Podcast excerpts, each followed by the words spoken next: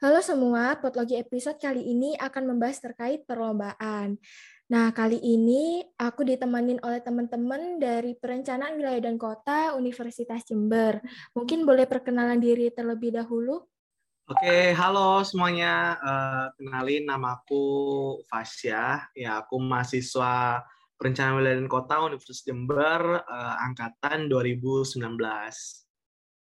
Halo semua, perkenalkan aku Safira Nur Rahma Ramadhani, mahasiswa dari Prodi Perencanaan Wilayah dan Kota Universitas Jember angkatan 2021. Oke, oke. Untuk Mas Fasya dan Safira ini merupakan mahasiswa perencanaan wilayah dan kota Universitas Jember yang keren karena sangat produktif di bidang perlombaan. Mungkin langsung ke pertanyaan. Jadi di sini aku mau tanya-tanya terkait kompetisi atau perlombaan. Di mana kita tahu bahwa perlombaan merupakan salah satu kegiatan untuk meningkatkan pengalaman juga meningkatkan prestasi. Jadi sebelumnya di sini aku mau tanya Uh, kalian di sini pernah mengikuti perlombaan apa aja dan mungkin bisa diceritain gimana pengalaman dalam mengikuti perlombaan. Mungkin uh, Safira boleh menjawab terlebih dahulu? Kalau dari saya pribadi sejauh selama kuliah ini saya pernah ikut PKM atau program kreativitas mahasiswa, pernah ikut juga video lingkungan, kemudian Pilmapres atau pemilihan mahasiswa berprestasi tingkat fakultas, kemudian ada pemberdayaan desa, master plan, dan esai.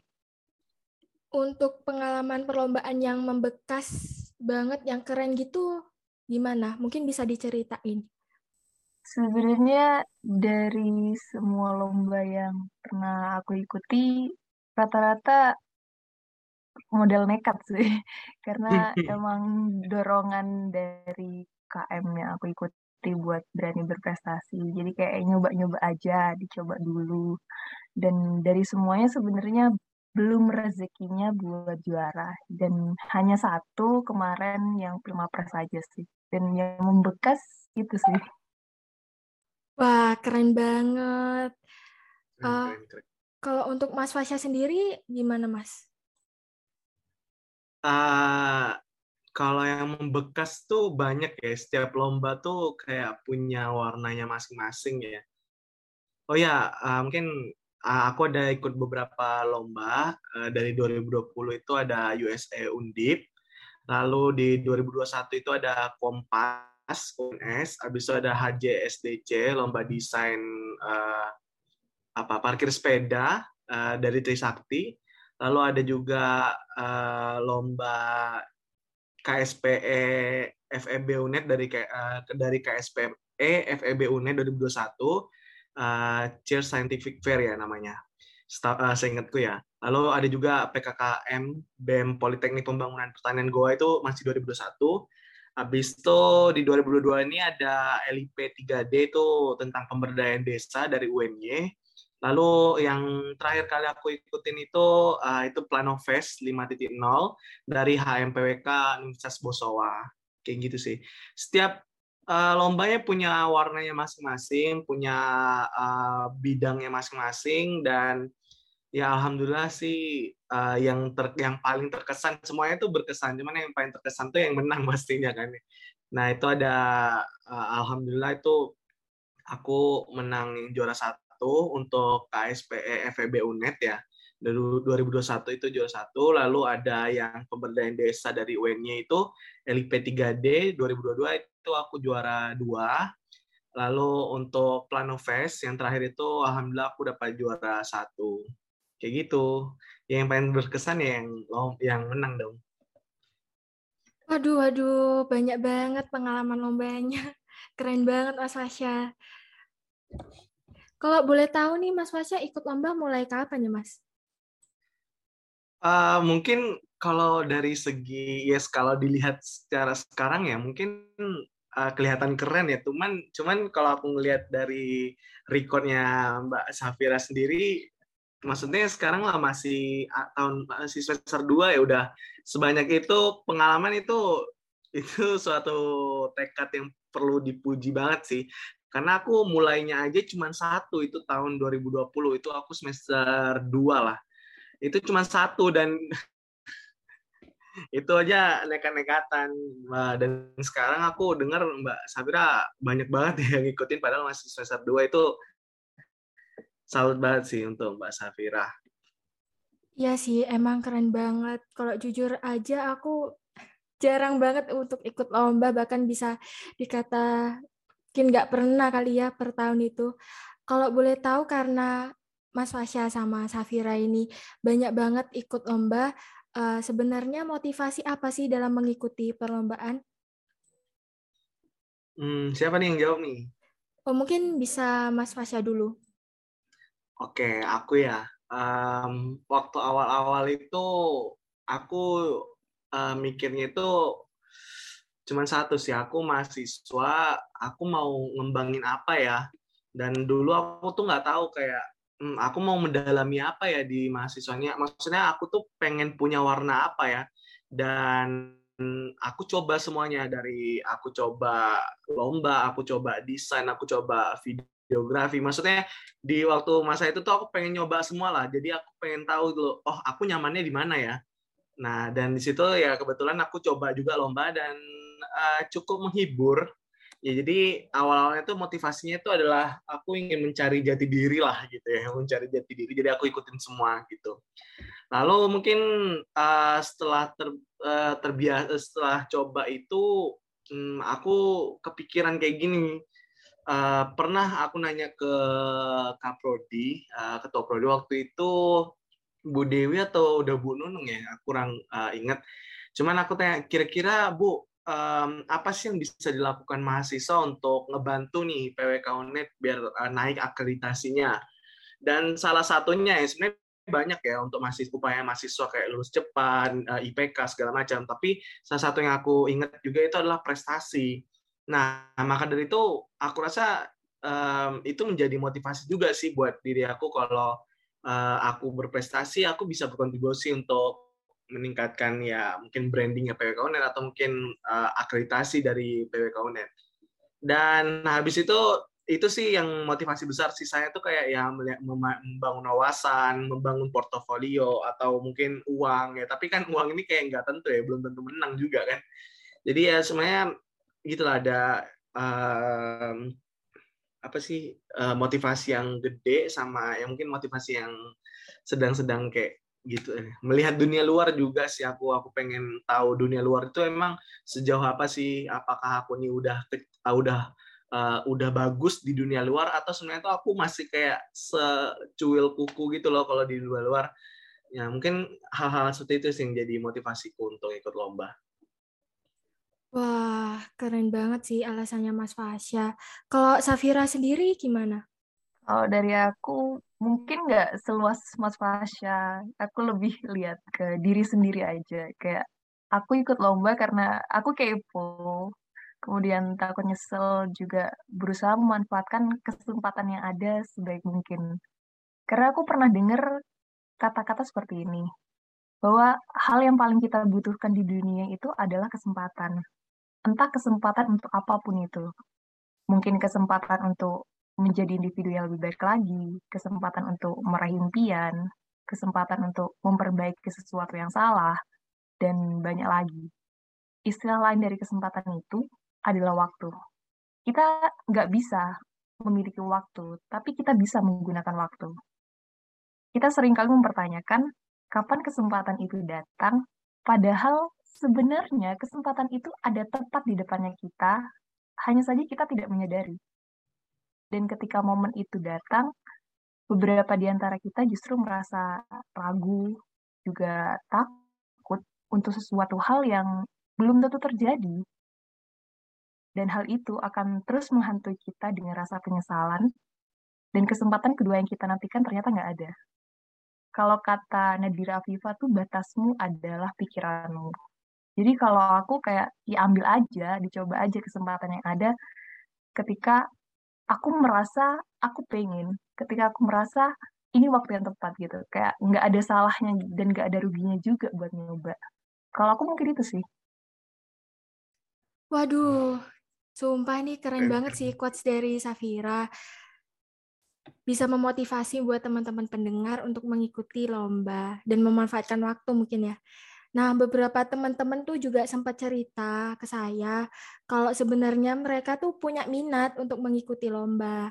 Terus tapi minatnya tuh cuma sampai keinginan atau apa ya, cuma sampai ke pemikirannya mereka aja. Tapi mereka tuh nggak berani untuk ambil aksi atau nggak berani untuk merealisasikan untuk mengikuti lomba.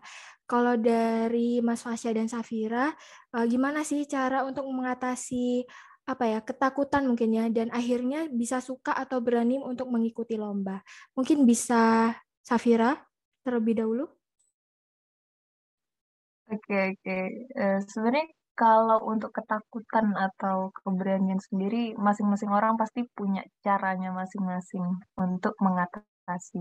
Dan kalau dari saya pribadi, mungkin karena ada yang lebih penting daripada ketakutan itu sendiri ya pasti sampai sekarang mau lomba aku masih ngerasa takut, ngerasa nggak percaya diri, ini apa yang kurang gitu. Nggak apa-apa itu wajar. Kalau kata Bapak Nadiem Makarim tuh, jika kamu merasa takut, tandanya sebentar lagi kamu akan menaklukkan hal yang besar. Dan kata Belva Devara, ketika kamu tidak merasa takut, maka itu adalah awal dari kegagalan. Jadi, eh, takut itu bukan berarti nggak berani dan berani bukan berarti nggak takut tapi mungkin buat aku gimana caranya aku bisa berteman sama rasa takut itu dan melangkah dengan percaya diri gitu.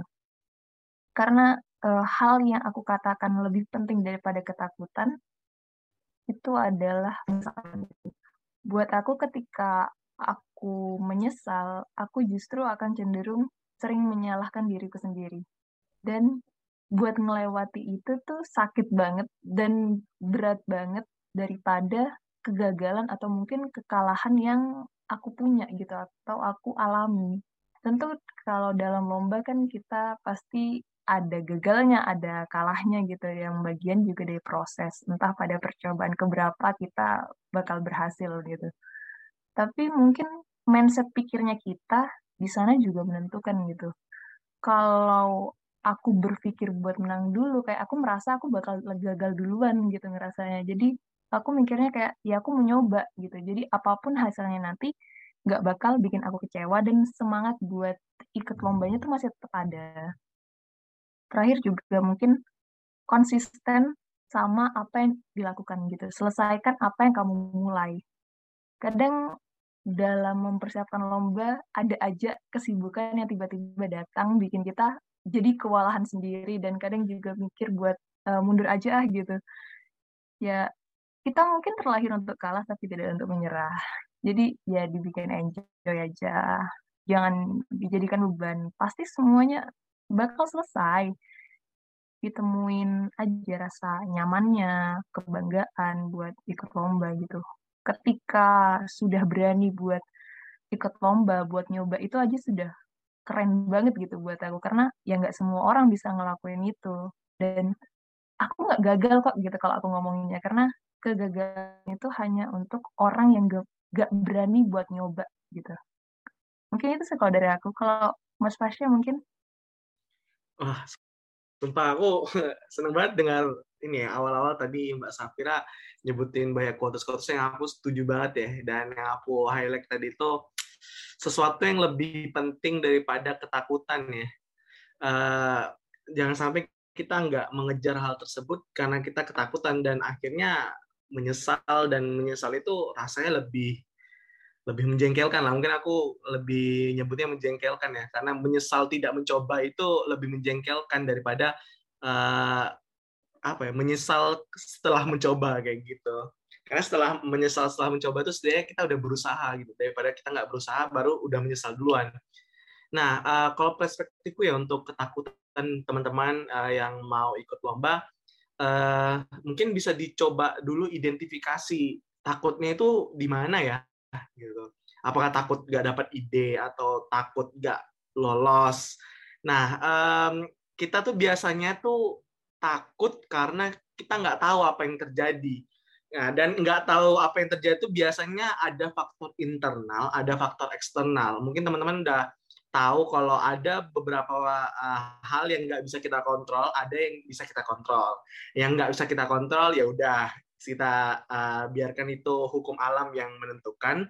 Cuman yang internal ini yang bisa kita kendalikan, ini kita identifikasi dulu. Nah, salah satunya adalah ketakutan kita sendiri.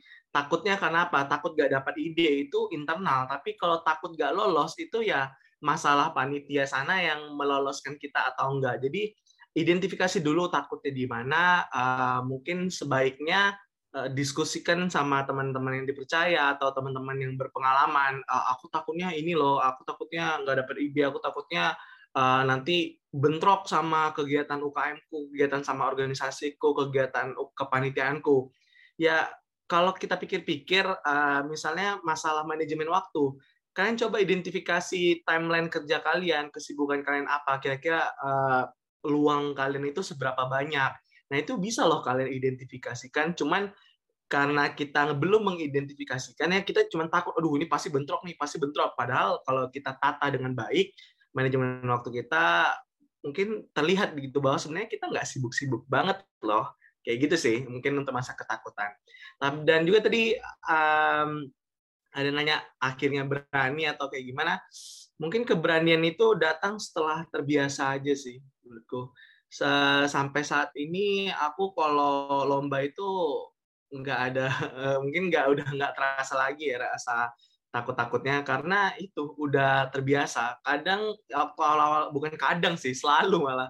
Di awal-awal itu ketakutanku besar. Setiap momen dari tahap lolos abstrak lolos pengumpulan presentasi itu kayak kayak uh, kalian pernah nggak sih kayak ngerasain momen life changing itu atau kayak kayak kalau aku gagal di sini itu aku bakal hancur. Nggak. Ya mungkin itu kayak berlebihan ya enggak maksudnya itu kayak titik-titik di mana uh, kalian merasa itu adalah step besar step besar step besar gitu loh. Dan kalian merasa insecure terhadap uh, kemampuan kalian sendiri untuk mencap melangkah kayak gitu.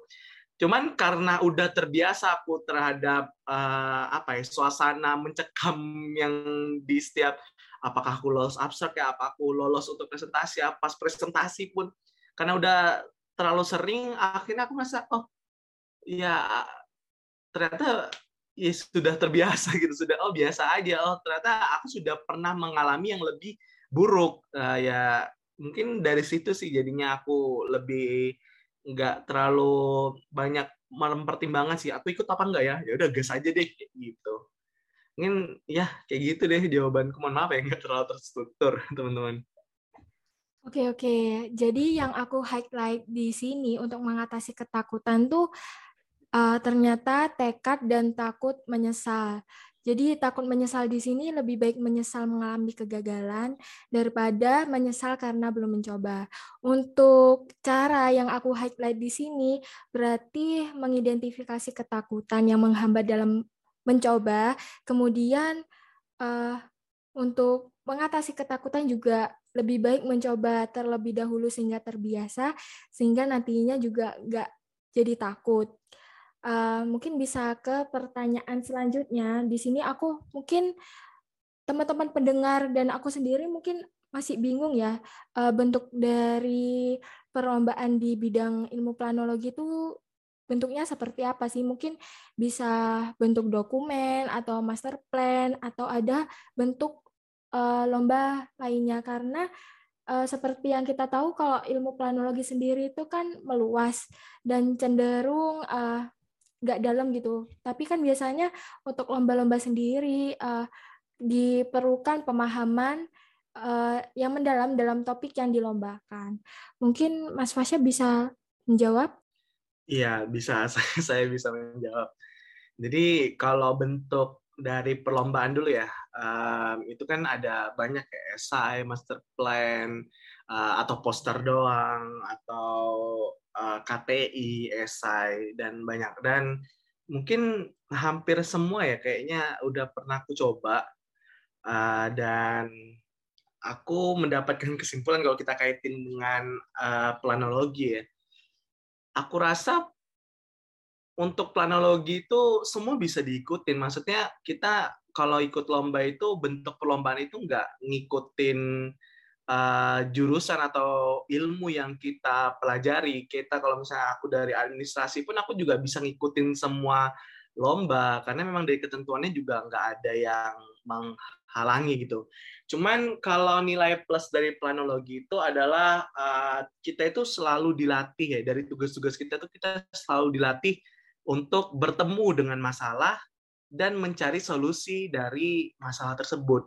Nah, konsep itu kalau menurutku ya eh, setelah aku ngikutin eh, lomba itu adalah bekal yang sudah cukup ya. Maksudnya bekal yang udah cukup untuk kita membangun mindset dalam perlombaan. Karena dalam perlombaan itu adalah kita memuncul, uh, menyajikan suatu ide terhadap suatu masalah. Itu basicnya ya basicnya. Cuman pembungkusannya itu yang uh, yang membuat bentuk perlombaan itu beda-beda. Ada yang ngebungkusnya itu dalam bentuk master plan ada yang bungkusnya itu dalam bentuk KTI ada yang bungkusnya itu dalam bentuk esai. Nah ya, nilai plusnya uh, planologi itu kita udah terbiasa maksudnya akan terbiasa lah mungkin untuk teman-teman yang masih baru atau dua satu uh, bakal terbiasa akan terbiasa nantinya dengan eh, konsep-konsep uh, seperti itu. Dan menurutku itu nilai plus sih buat kita malah uh, harusnya kita jadi lebih terbiasa untuk ikut lomba karena uh, dari dokumen-dokumen atau tugas-tugas kita disuruhnya seperti itu. Ya seperti yang Mbak Nata tadi bilang kalau uh, PWK itu mengerti banyak hal ya tapi tidak spesifik. Nah itu uh, kata kuncinya itu adalah generalis ya. Dan itu malah jadi nilai plus juga tuh buat kita karena gimana karena kita uh, ketika mengkaji suatu lokasi perencanaan anggap kita main uh, ilmu planologi kalau kita di lokasi perencanaan itu kita pasti mensurvei atau menganalisis ya ekonominya, sosialnya, lingkungannya, kelembagaannya, potensinya segala macam semua kita survei. Dan itu ada yang punya masalah, ada yang enggak. Nah, masalah-masalah itu pasti kalian disuruh nyari gimana cara mensolusi mensolusi eh disuruh nyari solusinya kan. Nah, sebenarnya uh, uh, konsep menyusun dokumen perencanaan atau tugas-tugas itu itu sama aja konsepnya ya, bukan pembungkusan yang konsepnya sama dengan lomba. Jadi aku rasa malah anak-anak planologi bakal cepat beradaptasi dengan bagaimana penyusunan uh, untuk ikut uh, penyusunan uh, karya-karya perlombaan sih menurutku. Uh, jadi bentuk perlombaan yang terkait dengan planologi ini semua semua bisa diikut bahkan kita udah terbiasa harus bisa dengan mudah aku nggak bisa bilang uh, langsung terbiasa tapi akan mudah terbiasa dengan uh, perlombaan-perlombaan sih kalau itu menurutku. Oh, oke oke. Makasih Mas Fasya atas jawabannya. Mungkin Safira punya jawaban lain atau mau menambahkan? Dari jawaban Mas Fasya udah lengkap banget, udah mewakili Waduh. apa yang ingin aku sampaikan sebenarnya udah. Uh, aku sebenarnya masih belum banyak perlombaan yang diikuti. Dan sejauh yang aku tahu, ya untuk planologi sendiri bisa di master plan, bisa di esai, bisa di poster, bisa di karya tulis ilmiah seperti yang disampaikan Mas Fasya gitu. Cuma mungkin karena memang kita ilmunya general, kita jadi terbiasa buat harus collab sama bidang ilmu atau disiplin ilmu yang lain. Dan uh, temanya bisa kalau di lomba-lomba kan general kayak umum-umum gitu. Jadi kita bisa iya, spesifik ya, di subtema buat uh, mungkin lebih menonjolkan ke PWK-annya gitu sih. Itu aja sih mungkin tambahan aja. Oke oke, mungkin bisa ke pertanyaan selanjutnya. Um, kalau dalam mengikuti lomba itu emang tipe atau kriteria anaknya itu seperti apa? Apakah emang harus anak yang pinter atau anak yang rajin? Waduh, waduh. Ya ini siapa nih yang mau jawab? Um, mungkin ya Mas Fasya dulu boleh. Oke, pertanyaan ini menarik ya. Aku dulu juga sering ditanyain ini sih. Apa stereotip orang yang ikut lomba itu pintar? Aduh, itu membebani diriku ya. Itu membebani diri karena um, aku uh, bukan kita coba definisikan pintar dulu deh kalau pintar itu dilihat dari IPK atau dilihat dari wawasan atau dilihat dari kemampuannya dalam apa aku kurang ngerti ya. Cuman um, menurutku yang aku ajak lomba atau diriku sendiri nggak selalu anak yang pintar nggak selalu ya anak yang pintar. Dan juga kalau pintarnya ikut yang IPK kayaknya banyak deh orang-orang yang uh, eh, IPK-nya tinggi. Tapi um, dia nggak ikut lomba gitu dan aku juga sebenarnya IPK aku nggak terlalu tinggi-tinggi banget dibanding uh, teman-teman yang lain cuman aku ikut lomba jadi terkadang aku bingung anak yang pinter itu kayak gimana atau anak yang ikut lomba itu kayak gimana Uh, kalau mungkin aku bisa jawab ini berdasarkan pengalaman dan cara aku nyari orang ya. Kan aku coba uh, starter, habis itu aku cari orang, uh, nyari tim ya, maksudnya maksudnya ngebentuk tim lah gitu. Yang kulihat itu nggak selalu yang pintar ya. Cuman aku percaya gini sih, setiap orang tuh punya warnanya sendiri ya. Um, aku warnanya apa, Mbak Safira warnanya apa, Mbak Nata warnanya apa, mungkin teman-teman yang lain juga warnanya seperti apa. Warna yang aku maksud ini adalah keahlian atau uh, kepintaran terhadap suatu bidang lah. Pasti punya spesifiknya masing-masing. Kita kalau ada kayak komposisinya itu atau porsi-porsinya gitu, pasti kita punya grafik yang berbeda-beda gitu. Nah, aku rasa nggak ada mahasiswa yang bodoh ya hanya yang ada tuh cuman bagaimana mahasiswa itu menghabiskan waktunya terhadap apa? Apakah dia menghabiskan waktunya di GIS, maka mungkin dia pintar di GIS. Kalau dia banyak menghabiskan waktu di desain, maka dia jago di desain. Atau dia banyak menghabiskan waktu untuk mengkaji bagian pariwisata, dia pintar di pariwisata. Atau mungkin juga kebencanaan. Cuman pintar itu nggak hanya itu doang, bahkan uh, warna lah, aku nggak bisa bilang pintar warna itu nggak hanya terbatas di GIS, di desain, di analis, pariwisata, kebencanaan. Pintar itu juga bisa kayak, oh ya setelah aku pernah bekerja sama dia, dia pintar loh dalam mempelajari hal baru. Oh, setelah aku bekerja sama dia, dia pintar loh dalam kepemimpinan. Oh, setelah aku uh, bekerja sama dia, dia pintar loh dalam marketing. Nah, sekarang um, aku dalam membentuk tim itu pertanyaanku selalu sama, yaitu aku butuhnya apa aku butuhnya apa dan yang aku idekan maksudnya kan dalam suatu perlombaan itu ada ide ide ini butuhnya orang-orang seperti apa ya nah aku pernah ikut lomba dengan ide yang cukup uh, baru ya. Maksudnya baru bagiku sendiri gitu. Maksudnya aku nggak pernah mengkaji hal tersebut. Jadi aku nyari orang-orang yang fast learning karena juga deadline-nya mepet. Deadline-nya mepet jadi tapi aku pengen ikut lomba itu. Dan aku ambil orang-orang yang yang kategorinya adalah mampu mempelajari hal baru dengan cepat. Nah, itu ya filteranku sendiri ya, filteranku sendiri. Aku bekerja sama teman-teman, mana ya orang punya uh, kemampuan untuk mempelajari hal baru dengan cepat. Biar kita diskusinya cepat, gerakannya cepat, meetingnya juga cepat, diskusinya cepat, uh, semoga aja bisa ngejar deadline. Jadi uh, ikut lomba itu nggak harus anak yang pintar, sesuai kondisi, tergantung bagaimana uh, mungkin siapa ketua kelompok atau yang nge-starter buat tim itu ngefilter anak-anaknya dan ngebutuhnya tuh anak yang seperti apa kayak gitu.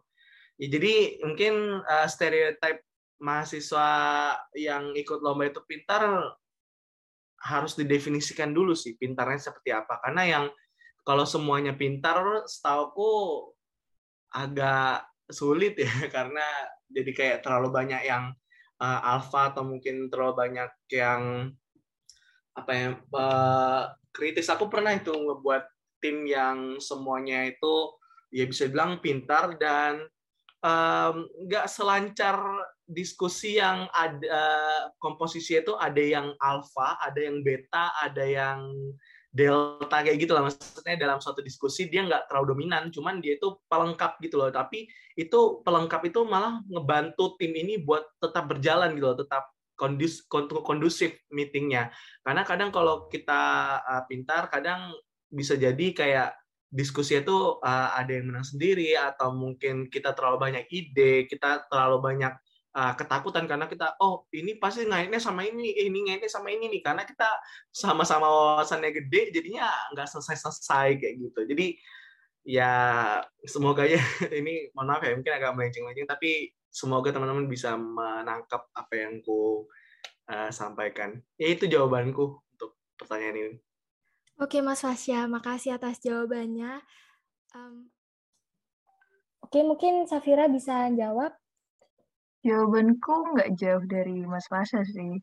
Sebenarnya pinter itu relatif, bisa dalam banyak hal. Tapi mungkin yang sering aku temui di Indonesia gitu atau orang-orang sekitarku nganggep orang pinter tuh biasanya kayak orang yang punya nilai tinggi secara keseluruhan gitu. Aku biasanya nemunya kayak gitu sih. Dan kalau memang kita mikirnya yang kayak gitu dan buat ikut lomba tuh nggak harus anak pinter gitu. Kalau buat aku lebih milih orang yang uh, mau belajar dan berani buat nyoba gitu. Karena ya kadang pinter itu bisa jadi beban dan akan biasa saja orang pinter tapi dia nggak berani buat keluar dari zona nyamannya gitu. Karena ya nggak bakal berkembang gitu aku ngerasanya. Sebenarnya aku punya dorongan ngomong ini karena ada dua kata-kata yang aku suka banget gitu dan kata-kata itu kayak gini kayak orang sukses bukan karena apa yang mereka ketahui tapi karena kehausan mereka untuk mengetahui lebih banyak sehingga mengantarkan mereka pada pintu-pintu penemuan yang baru dan yang kedua ada kata-kata aku mungkin bukan orang yang cukup pintar dalam banyak hal tapi Aku yakin aku adalah orang yang cukup ceroboh untuk mencoba banyak hal. Jadi intinya kalau dari aku, buat ikut lomba tuh nggak harus aneh yang pintar aja gitu. Kayak semua bisa nyoba gitu, semua punya kesempatan yang sama gitu. Asal dia mau belajar dan berani buat nyoba, itu udah baik, bagus banget gitu buat jadi masuk dalam tim. Itu sih kalau aku. Oke, makasih buat jawabannya. Uh, mungkin aku bisa langsung aja kali ya ke pertanyaan selanjutnya. Jadi kalau misalnya mau ikut lomba, sebetulnya ada hal apa sih yang harus kita persiapkan? Mungkin Safira dulu bisa jawab. Kalau dalam perlombaan yang perlu disiapkan, pasti yang paling penting itu informasi entah informasi terkait ketentuan lombanya atau informasi yang bisa menunjang perkembangan ide-idenya kita atau karyanya kita gitu. Kalau selain itu mungkin bisa uh, dipahami betul atau mungkin disusun karya atau idenya sebaik mungkin gitu. Dan jangan lupa daftar sih Pak yang pasti. Dan siapin mental buat nerima apa pun hasilnya gitu. Kayak ya percuma aja punya ide kalau nggak daftar gitu. Dan harus siap sama yeah, apa pun. bener -bener. Betul banget sih kalau dari Mas Fasya gimana Mas? Iya, um, aku mungkin di luar administrasi yang jelas kan pasti uh, daftar ya daftar dan tentu harus nyiapin KTM segala macam, abstrak segala macam. Cuman mungkin sebelum itu banget tuh, um, kalau menurutku sih ada tiga ya. Pertama itu ide, idenya apa. Dua, perhitungkan manajemen waktu. Ketiga itu siapin mental. Mental itu mungkin bukan mental. Mental ini mungkin konotasinya agak kayak kita bakal dihajar enggak sih mungkin lebih ke komitmennya tuh harus ya komitmen mungkin deh uh, komitmen bahwa ini harus sampai selesai gitu nah, nah jangan sampai kalian kayak semangat di awal gitu loh tiba-tiba nanti pas di tengah kayak uh, kalian uh, motivasinya kurang kalian kinerjanya juga kurang. Nah menurutku yang perlu dipersiapkan itu adalah tekan atau komitmen. Jadi ketika kalian nanti kurang uh, motivasi di tengah-tengah itu kalian harus ngelihat dari awal uh, kalian nggak boleh mengkhianati diri kalian sendiri di yang awal-awal itu bahwa kalian udah bertekad loh untuk uh, menjalani sampai akhir menyelesaikan sampai akhir aku nggak boleh menyerah. Nah, itu bekal-bekal yang harus disiapkan biar nanti pas di pertengahan itu nggak ngedown gitu. Uh, itu sih kalau yang mental atau tekad atau apa tadi ya, mental tekad atau komitmen. Ya. Uh, abis itu kalau ide, nah biasanya itu um, ini nggak selalu ya, nggak selalu. Aku kalau misalnya jadi starter yang ngebuat tim, itu aku selalu nyiapin ide dulu. Uh, aku siapin ide dulu dan ide ini persiapannya itu mungkin nggak kayak oh ada lomba nih aku cari deh ide nggak gitu aku seiring waktu, maksudnya gimana aku menjalani perkuliahan di jalan atau di kuliah atau lagi nonton YouTube atau apa, ketika tiba-tiba ada ide, itu langsung aku catat uh, ngechat diriku sendiri ya kan di WA kan bisa ngechat diri sendiri. Aku langsung ngechat uh, idenya itu apa kayak gitu. Nah seiring waktu uh, satu bulan terkumpul, dua bulan terkumpul, tiga bulan terkumpul, tiba-tiba ada lomba yang menarik nih. Nah aku dengan lihat subtemanya, ngelihat ketentuannya, uh, dan aku ngelihat tuh inventarisasi ide-ideku uh, ada nggak yang bisa masuk atau semuanya bisa masuk. Ya udah kita gasin, aku buat tim kayak gitu. Ya, jadi ide itu dipersiapkan bukan jauh-jauh hari, tapi selama kalian menjadi mahasiswa atau di kalian menjalani kehidupan, kalau tiba-tiba terbesit kayak, oh kenapa ya ini kayak gini ya? Oh kalau ini diterapin ke sini gimana ya? Eh, ini loh permasalahan, gimana ya cara solusinya? Tiba-tiba kalian terpikir idenya atau suatu solusi yang menarik, catat. Eh, nggak catat sih, ketik. Ketik, sekarang kan ketik ya. Jadi uh, itu yang dipersiapkan ide, itu aku ya. Um, lalu yang terakhir itu manajemen waktu seperti yang aku bilang tadi bahwa ketakutan ya tentang ketakutan tadi itu biasa terjadi karena kita takut ya salah satu ketakutannya adalah bentrok sama ini bentrok sama itu. Cuman di awal-awal waktu ikut lomba coba uh, lihat kalian itu ngikutin kegiatan apa aja sesibuk apa kalian kira-kira um, ini nih kalau kalian ikut lomba kalian luangnya kapan aja ketika luangnya itu nggak masuk akal lagi kayak kalian cuman seminggu tuh uh, kalian cuman luangnya itu malam aja habis itu cuma tiga jam karena kan tidur gitu kan. Uh, misalnya kan luangnya cuma sampai jam 6 sore habis itu sampai jam 9 malam habis itu 9 malam kan harus tidur. Ya mending nggak usah gitu loh mending nggak usah ikut lomba karena jadi harus coba siapkan uh, apa ya manajemen waktu kalian uh, siapkan tuh mungkin bukan lebih siapkan sih lebih ke perhitungkan lah. Perhitungkan uh, wa, apa man, ah, gimana ya sebetulnya mungkin ya perhitungkanlah uh, waktu perhitungkan kegiatan kalian itu seperti apa dan gimana manajemen waktunya. Jadi mungkin tiga itu sih yang uh, menurutku perlu dipersiapkan ya untuk ngikutin lomba. Oke, mungkin teman-teman pendengar di sini bisa catat hal-hal yang perlu disiapkan, yaitu informasi, kemudian ide, manajemen waktu, mempersiapkan mental dalam komitmen dan tekad. Untuk selanjutnya nih, uh, mungkin juga teman-teman di sini yang mendengarkan podcast kali ini penasaran, apa sih benefit yang didapetin ketika mengikuti perlombaan? Uh, mungkin Mas Fasya bisa jawab terlebih dahulu. Oke, untuk benefit, hmm, aku coba kaitin sama motivasi sih. Ya, motivasiku yang kayak ingin ningkatin akreditasi, ingin mengeksplor diri, membangun portofolio, melihat dunia luar, uang, itu semua itu adalah benefit ketika ngikutin lomba ya. Uh, kalau uang pasti, pasti. Tapi uang itu kalau entah kenapa menurutku kayak nggak terlalu kuat untuk menjadi uh, motivasi ya, atau mungkin menjadi benefit yang mau kita kejar. Tapi ya pasti dapat benefitnya uang kayak gitu. Nah, benefit lain tuh yang menurutku paling berharga itu adalah ini sih uh, wawasan ya.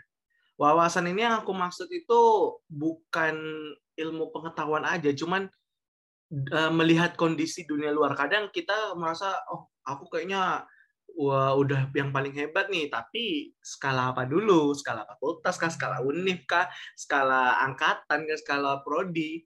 ya tapi ketika kalian eh, nggak uh, pernah melihat dunia luar sekali lihat dunia luar terkejut dan menyesal nggak benar-benar uh, nggak mengepus diri. Pada waktu kalian udah di puncak di fakultas nggak ngepush diri karena merasa kalian udah paling hebat.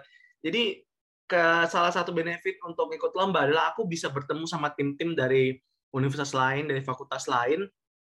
Aku bisa ngelihat gimana ya uh, apa mereka presentasi gimana ya mereka itu uh, menyusun ide gimana ya inovasi-inovasi di luar. Kadang tuh aku uh, suka banget tuh kalau uh, beberapa lomba yang mentransparansikan ide-ide yang masuk itu aku baca tuh uh, inovasinya tuh menarik-menarik. Dari yang pakai singkatan dari yang benar-benar uh, kata kuncinya itu baru pertama kali aku dengar uh, ini yang ber, bukan berupa singkatan tapi dia memang suatu kata-kata uh, yang menjadi solusi. Dan itu aku nggak tahu itu aku baca dan itu aku menjadi lebih apa ya lebih besar lagi wawasan. Semakin tahu aku kalau aku tuh kecil gitu loh di dunia ilmu pengetahuan. Ini aku masih kecil dan uh, itu benefitnya itu adalah aku menjadi semakin semangat gitu loh untuk uh, belajar lagi untuk mengetahui kalau dunia ini luas luas dunia ini besar dan aku kalau diem-diem aja kayaknya aku nggak akan berhasil kalau nanti lulus kayak gitu. Jadi mungkin itu benefit yang paling besar sih, yaitu bisa ngelihat dunia luar ya, bisa menambah wawasan juga dari kata kunci-kata kunci itu. Itu kalau benefit kecil-kecil lainnya ya kita bisa ngelatih kerja sama tim, habis itu kita juga dapat uh, apa ya? dapat selamat dari teman-teman, dapat branding juga, muka kita terpampang di IG mana-mana ya itu itu kepuasan yang mungkin menurutku kecil-kecil ya, tapi itu juga menyenangkan sih itu sih kalau menurutku mungkin ada perspektif lain dari Mbak Safira. Waduh, sebenarnya kurang lebih sama sih sama Mas Fasya. Ya, dari yang saya rasakan sampai sejauh ini benefit dari ikut lomba pastinya ya nambah pengetahuan baru, pengalaman baru, juga numbuhin rasa percaya diri gitu. Karena ya biasanya dalam perlombaan secara tidak langsung kita didorong buat banyak nyari informasi, buat banyak baca jurnal, artikel, dan lain-lain buat bahan pengembangan ide gitu. Dan kebanyakan dari itu kayak gak diajari dosen gitu, atau mungkin butuh disiplin ilmu yang lain gitu. Dan dari sana kita dapat ilmu baru yang kemudian dalam pengerjaannya bikin kita jadi terbiasa. Kayak semarin semakin kita sering ikut lomba, kita jadi semakin terbiasa sama ketentuan-ketentuannya. Kayak misal di latar belakang, uh, di latar belakang ini harusnya ditulisnya gimana, harus ada apa aja, penyusunannya gimana, dan banyak lagi gitu. Uh, di mana hal itu tentunya bisa kita terapkan juga di tugas-tugas kuliah gitu, nggak hanya di perlombaan. Dan kita bisa belajar buat memperbaiki kesalahan-kesalahan sebelumnya agar karyanya kita buat selanjutnya itu bisa lebih baik lagi gitu dan ke depannya dengan sering mengikuti lomba pengetahuan dan pengalaman kita yang bertambah bisa bikin kita jadi lebih percaya diri menunjukkan kemampuan kita yang uh, terus berkembang semakin waktu gitu. Wah, makasih untuk jawabannya dari Mas Fasya sama Safira. Jadi yang aku highlight di sini benefitnya itu mengenal dunia luar, kemudian juga punya ilmu baru. Mungkin untuk benefit yang kecil-kecil, aku juga setuju sih sama Mas Fasya. Yang aku rasa paling keren sih ini ya, um, diucapin selamat di apa kayak akun Instagram gitu. Jadi wajah kita terpampang kayak iya, punya bener. mencetak histori gitu dan akan selalu dikenang karena mungkin nggak akan dihapus ya. Iya. ya itu kepingin sih sebetulnya karena keren banget mukanya bisa ada di Instagram himpunan atau mungkin BEM juga gitu. Uh, mungkin bisa ke pertanyaan selanjutnya karena sejauh ini yang aku tahu kebanyakan itu perlombaan bentuknya tim. Jadi kalau misalnya mengikuti lomba yang berbentuk tim, sebetulnya uh, tim seperti apa yang dibutuhkan? Uh, tim yang pinter, apa yang fast respon, apa apa yang bisa diajak diskusi? Karena dalam beberapa pengalaman, mungkin nggak dalam perlombaan aja ya, dalam uh, kerja kelompok atau dalam tugas kelompok gitu biasanya kan namanya anggota atau teman itu memiliki peran besar dalam keberhasilan. Jadi uh, teman yang apa ya kriteria teman yang bisa diajak masuk ke dalam tim lomba itu yang seperti apa? Mungkin ini Mas Fasya bisa jawab terlebih dahulu. Oke, okay. um, mungkin uh, pertanyaan ini tadi ada sedikit kesinggung ya masalah anak yang pintar ngikutin lomba. Itu ada beberapa tadi kayaknya aku ada nyebutin. Kalau nyarinya itu kan ikutin apa yang kita butuhkan ya. Karena setiap orang itu punya warnanya masing-masing gitu. Uh, tapi kalau awal-awal itu aku kalau ngebuat tim itu sama banget sama yang disebutkan sama Safira. Itu orang yang pengen berusaha gitu. lah pengen uh, pengen mencoba berani mencoba juga pengen mencoba gitu. Jadi pengen doang nggak cukup harus berani juga ya. Berani mencoba. Jadi aku ngumpulin orang-orang yang berani mencoba uh, waktu awal-awal. Mungkin tapi kalau seiring waktu waktu seiring waktu ternyata uh, ingin mencoba itu nggak cukup. Karena ingin mencoba setiap orang tuh ternyata sebenarnya pengen mencoba loh. Uh, kalau aku udah uh, ngerti ya sekarang ini semua orang tuh pengen sebenarnya nyoba. Nah sekarang ini gimana kita ngebentuk timnya aja gitu.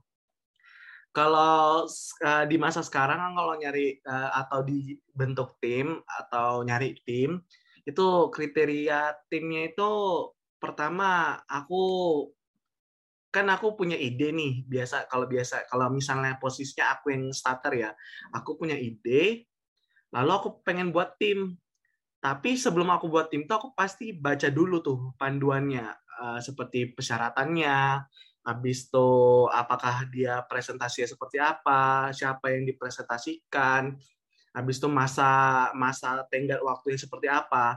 Nah, dari persyaratan-persyaratan tersebut bagi secara konsep besar dari uh, lombanya itu aku mengertikan aku ngerti dulu baru aku cari tim. Kenapa kayak gitu? Karena uh, ketika semuanya udah bagus tapi deadline-nya itu mepet, maka aku butuh orang yang nggak sibuk kan. Nah, jadi uh, persyaratan itu tuh sebagai mungkin teman-teman yang jadi starter nantinya coba dibaca dulu gitu, coba pahami dulu panduannya.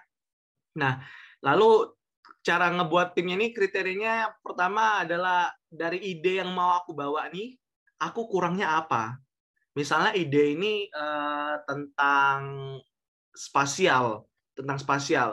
Aku udah aku secara karena aku drafter ya, aku udah bisa untuk GIS analisis spasial itu aku sudah bisa. Cuman aku kurangnya adalah dari perspektif apa mungkin misalnya uh, spasialnya itu di permukiman kumuh. Aku butuh anak yang mungkin punya apa ya punya pengalaman di itu atau punya uh, banyak jam terbang atau punya ketertarikan di permukiman kumuh atau spasialnya itu di daerah pesisir. Maka aku mungkin uh, nyari teman-teman yang punya minat atau punya pengalaman di atau mungkin dia punya nilai plus lah kalau ngomongin tentang pesisir. Atau entah dia domisilinya pesisir atau dia ambil seminarnya pesisir atau dia waktu KP dapatnya pesisir. Ya yang seperti itu uh, karena kebetulan juga aku tuh angkatan kan jadi aku tahu ya tentang itu. Jadi aku bisa memetakan tuh teman-teman ini potensinya apa aja kira-kira warnanya warnanya teman-teman itu seperti apa. Nah dari situ aku dapat tuh oh ini nih anak yang cocok untuk menutupi kekuranganku. Aku ambil. Habis itu setelah aku ambil dia itu aku berdiskusi berdua. Berdiskusi berdua kita ini kombinasi kita berdua ini misalnya timnya tiga ya ini udah ke terkumpul dua. Kita ini berdua ini kurangnya apa ya? Apakah kita kurang sosok pemimpin? Atau kita kurang sosok uh, yang surveyor suka uh, yang jago dalam survei atau berpengalaman atau kita butuh orang yang pernah ke lokasinya dan pernah melakukan penelitian. Jadi uh, menurutku kriteria orangnya itu adalah apa yang eh, orang yang dapat menutupi kekurangan dari tim yang udah dibuat gitu. Ya, dan yang jelas uh, harus juga bisa dipercaya ya. Uh, dan juga mungkin apa ya kayak eh mungkin kalau pintar sih bukan pintar, cuman yang menutupi kekuranganmu berarti dia itu udah punya kepintaran dalam suatu bidang kan. Jadi ya itu. Jadi kalau menurutku yang paling utama itu adalah yang menutupi kekuranganmu sih dengan warnanya masing-masing. Ya, semoga aja tidak berlibet ya, mohon maaf teman-teman. Oke Mas Fasya, makasih atas jawabannya. Mungkin ini bisa ditambahkan atau mungkin ada yang ya bisa mungkin Safira jawab. Bener sebenarnya kata Mas Fasya gitu kalau bentuk tim, kriteria timnya itu apa yang kita butuhkan untuk menutupi kekurangan-kekurangan kita gitu. Dan aku pun kalau bentuk tim ya kurang lebih seperti itu gitu. Cuma biasanya aku ngomongnya yang bisa nge-backup aku atau dalam satu tim itu jika ada beberapa orang bisa sama-sama saling nge-backup gitu.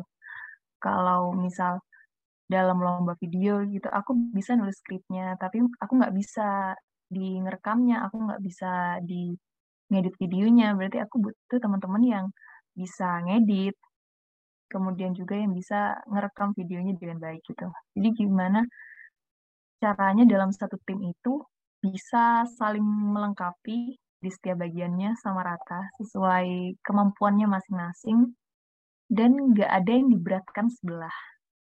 Jadi kenyamanan buat kerjasama dalam tim itu kan jadi bakal terbentuk juga gitu. Dan yang nggak kalah penting juga, uh, mungkin kayak orang yang kita percaya buat konsisten menyelesaikan apa yang kita mulai. Kalau buat ya, aku. Benar, benar, benar, benar, benar. Karena kayak aku sering beberapa kali ngajak temen buat ikut lomba. Kayak aku ngerasa ini orang punya kemampuan gitu buat ikut lomba bareng aku. Dia tahu tentang hal yang mau aku bahas gitu ide-ideku. Tapi ternyata dia nggak mau ikut lomba atau dia pengen ikut lomba juga tapi sedang ada yang diprioritaskan dan itu bukan masih belum bersedia buat ikut lomba bareng aku dan banyak hal lain gitu. Jadi ya gimana caranya aku bisa nyari temen yang bisa aku percaya buat menyelesaikan eh, lomba-lomba yang aku ikuti itu sih. Mungkin itu tambahan dari aku Oke oke, jadi kata kunci di sini yang aku tangkep adalah uh, kriteria dalam tim itu teman yang dapat dipercaya dan dapat saling melengkapi. Oke, ini mungkin ke sesi terakhir alias ke pertanyaan terakhir. Uh, mungkin bisa kasih tips atau triknya kepada teman-teman yang masih takut-takut dalam mengikuti kompetisi. Uh, Padahal kompetisi sini ya termasuk salah satu langkah yang penting dalam meningkatkan prestasi atau mendapatkan pengalaman atau mungkin juga meningkatkan keeksis keeksistingan di mana bisa di uh, wajahnya bisa ada di Instagram himpunan atau BEM kalau misalnya beruntung. Uh, mungkin di sini aku minta tips and triknya dulu ke Safira. Gimana kalau dari Safira? Uh, sebenarnya aku masih belum banyak lomba yang aku ikuti ya. Pasti kalah sih, kalah banyak sama Mas Fasya. Waduh, ya, ya, ini kan kita posisinya ya, aku yang udah angkatan berapa, udah tahun berapa, perspektifmu yang uh, tahun uh, masih, masih baru. Tahun, jadi nggak apa-apa, santai aja. Mana tahu yang mereka butuhkan kan posisinya sama seperti kamu saat ini gitu. Oke, siap Mas. Uh, secara umum aja ya, kalau tips and trick dari aku itu pahami betul buku panduannya gitu. Buat meminimalisir kekeliur, kekeliruan yang bisa berakibat ke pengurangan poin mungkin. Kemudian uh, pahami betul ide yang kamu mau sampaikan atau kamu ajukan di lomba itu. Jadi gimana caranya ide itu bisa tersampaikan dengan baik dan nggak ambigu. Kalau aku kayak lebih milih ide yang biasa-biasa aja, tapi aku bisa ngejelasin itu dalam bentuk kata-kata dengan jelas dan baik daripada ide yang besar dan ya bagus, tapi itu rumit. Jadi aku bingung gimana cara ngejabarinnya gitu. Jadi mungkin itu juga bisa dan pastinya yang nggak kalah penting itu tanya-tanya sih ke temen atau mungkin kakak tingkat yang pernah ikut lomba serupa gitu. Jadi kita bisa tanya apa yang harus diperhatikan, kurang bagiannya apa, atau solusi dari hambatan-hambatan yang kita temui saat pengerjaannya. Dan terakhir, punya tim yang bisa diajak kerjasama buat ngisi kekurangan. Mungkin itu sih kalau aku. Mungkin Mas Fasya nih bisa nambahin. Oke, oke, oke, oke, oke. Ya, um, tips tips and trick ya. Hmm, mungkin aku coba habisnya agak ini ya, mungkin tips trik untuk sebelum lomba, tips trik pas lomba atau tips trik pas presentasi kayak gitu ya. Tapi semoga teman-teman bisa memilih memilah sendiri ya. Jadi coba dicatat, catat. Um, mungkin yang aku dapati tips and trik itu semua orang itu pasti sedang menunggu untuk diajak sih. Jadi aku aku jarang ditolak teman-teman. Jadi karena teman-teman tuh semua tuh punya keinginan untuk mencoba, cuman mereka posisinya itu mungkin bukan sebagai starter. Nah kalian-kalian yang mungkin sebagai starter, jangan ragu untuk ditolak, jangan takut untuk ditolak karena setiap orang itu sebenarnya tuh mereka dalam hati mereka tuh saya pengen diajak atau mereka juga pengen loh nyoba untuk lomba karena benefit lomba ini sebenarnya nggak apa ya nggak bisa dipungkiri lagi banyak benefitnya untuk uh, secara untuk fakultas untuk jurusan bahkan yang paling besar adalah untuk diri sendiri. Jadi jangan ragu untuk jadi starter atau mungkin ngajak orang jangan ragu. Lalu uh, mungkin yang paling susah itu ya dalam lomba itu adalah mencari ide teman-teman jadi tips and trick untuk mencari ide untuk generasi Z ya untuk Gen Z itu banyakin nonton YouTube, banyakin scroll IG. Tapi nonton YouTube-nya yang konten-konten uh, misalnya kan ilmunya apa, kepwk sesekali ya mungkin kan sering nonton YouTube apa atau scroll IG apa. Cuman mungkin kalau gabut ya, kalau gabut uh, sesekali coba searching beberapa kata kunci yang kalian dapatkan di perkuliahan itu di YouTube karena di YouTube itu punya perspektif yang lebih luas daripada di perkuliahan. Contoh ya, kemarin itu aku baru belajar tentang complexity. Aku belajar tentang complexity itu ya secara basic-basic aja di artikel apa saya aku cari complexity adalah apa atau tinjauan pustaka complexity. Itu aku baca ya ya udah baca. Cuman untuk menganalisis hal tersebut itu biasanya di YouTube, teman-teman. Aku cari complexity yang di di YouTube itu munculnya nggak hanya tentang tinjauan pustaka, tapi analisis terhadap kompleksiti, apakah kompleksiti tersebut uh, cocok untuk zaman sekarang, apa permasalahannya, potensinya, dan bagaimana ini terjadi. Itu tuh lebih lengkap dan lebih visualitatif ya mungkin kalau di YouTube. Dan mungkin ya kebetulan itu cocok sama cara aku belajar ya. Jadi aku banyak nonton YouTube lewat kata kunci kata menggunakan kata kunci kata kunci yang aku dapat di perkuliahan dan dari situ uh, alhamdulillah wawasanku lebih banyak bertambah kayak gitu. Scroll IG juga IG sekarang loh media edukatif yang menurutku sangat instan dan uh, lumayan fleksibel ya. Karena udah banyak konten-konten kreator yang ngasih analisis sendiri. Dan menurutku analisisnya ada beberapa yang biasa aja ada beberapa yang cukup bisa kayak oh iya juga ya. Oh bener juga ya. Dan akhirnya kalian terpicu untuk mencarinya lagi gitu. Jadi nggak uh, apa-apa teman-teman yang generasi Z mungkin nggak nyaman dengan Google Scholar atau apa kalau memang kalian media belajarnya bisa lewat yang lebih visual ya kan silakan nonton YouTube scroll IG sekarang sudah banyak uh, konten creator dan juga konten-konten yang ngebahas tentang edukasi yang berbau mungkin planologi ya uh, Lalu juga kalau kalian ada yang aku tadi bilang, ketika kalian dapat ide, teman-teman, kepikiran uh, ide itu langsung kalian catat aja dulu, takutnya hilang. Sering banget itu hilang. Kayak misalnya teman-teman nanti ya RTBL ya, uh, Safira di semester depan atau mungkin teman-teman 2020 atau mungkin mahasiswa baru nanti ngerjain dokumen perencanaan, itu kan kalian ngebuat potensi masalah tuh. Nah, potensi masalah tuh jangan sembarang dikerjain aja, tapi coba dipahami kira-kira solusinya tuh apa aja dan kira-kira solusi itu bisa dilombakin dilombain nggak ya? Nah, mana tahu bisa. Nah, itu terjadi waktu aku RDTR dulu. Masalah yang ada di lokasi penelitian itu yang di Trawulan, itu aku jadiin lomba dan alhamdulillah ada suatu tema besar yang aku dapat uh, dapat dari perkuliahan itu menjadi solusi untuk uh, permasalahan di lokasi penelitian itu. Aku jadiin lomba alhamdulillah itu menang ya alhamdulillah menang. Jadi um, jangan sembarang ngerjain tugas aja benar-benar dipahami uh, tugas-tugasnya juga itu tips ya. Lalu juga uh, kalau masa pengerjaan tugas itu tadi itu mungkin pra daftar ya pra pendaftaran perlombaan. Cuman ini ketika kalian udah daftar lomba tips and triknya itu hmm, mungkin gini buatlah judul yang semenarik mungkin. Buatlah judul yang semenarik mungkin.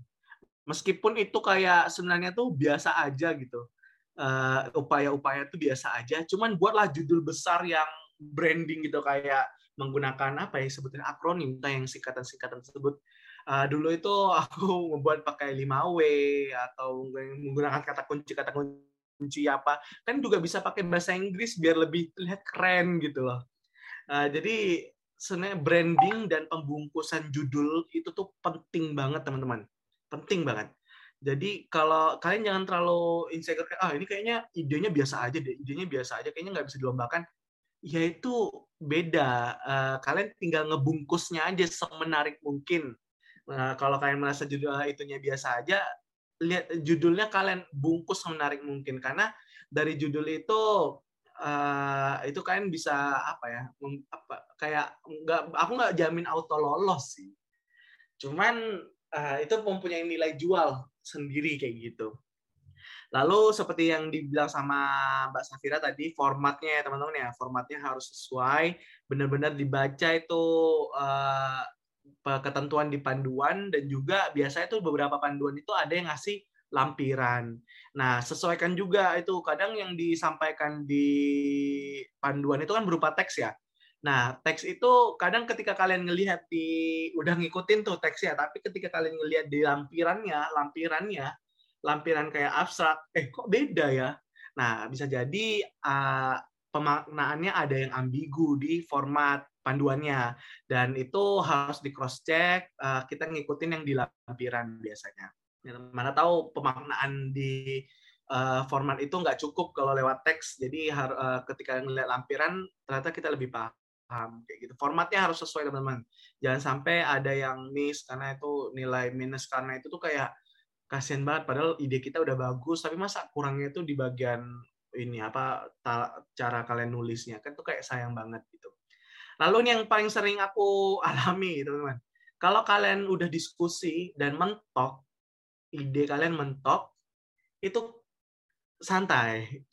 Jangan gupu, jangan merasa putus asa, kasih break kasih break-break itu penting ketika kalian mentok.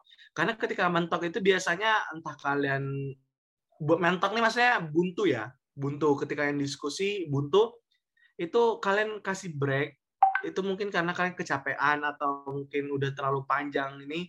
Kalian break. Ketika kalian break setiap setiap individu kalian akan mendinginkan diri dan juga berpikir uh, lagi tentang apa yang terjadi dan juga perspektifnya sendiri. Dan insya Allah ya selama ini ketika udah kasih break kita uh, rapat lagi lebih lancar dan lebih apa ya bisa kondusif lah seperti itu. Jadi jangan merasa putus asa tiba-tiba kayak buntu selesai oh buntu habis itu kalian end meeting kayak aduh ini nggak bisa nih timnya nggak bisa lagi nih. Jangan kayak gitu teman-teman. Harus tetap uh, ini harus tetap optimis ya. Lalu last but not least ini pas kalian presentasi teman-teman jangan makan sendiri uh, topiknya ketika kalian presentasi bagi-bagi sama teman-teman yang lain.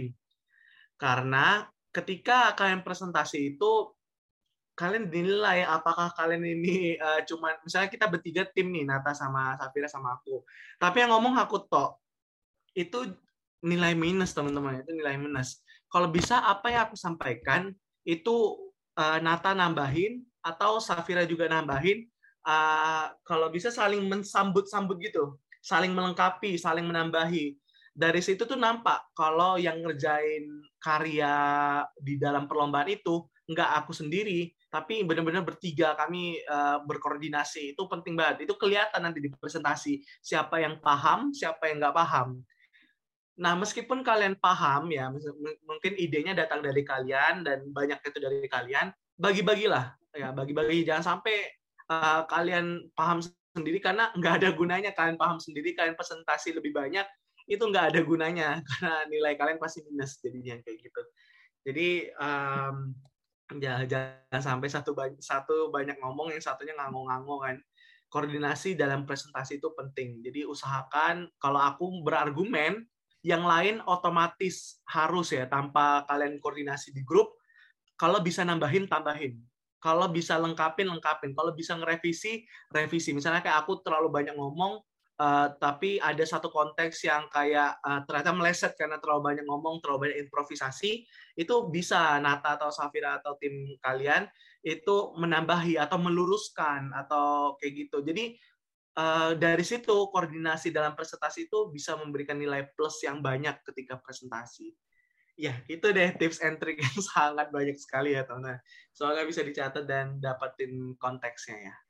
Waduh, sumpah ini emang narasumber kali ini keren-keren banget.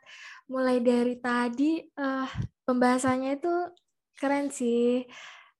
Uh, karena tadi ini udah sampai di pertanyaan terakhir dan udah jam malam sih ini karena recordnya lagi malam.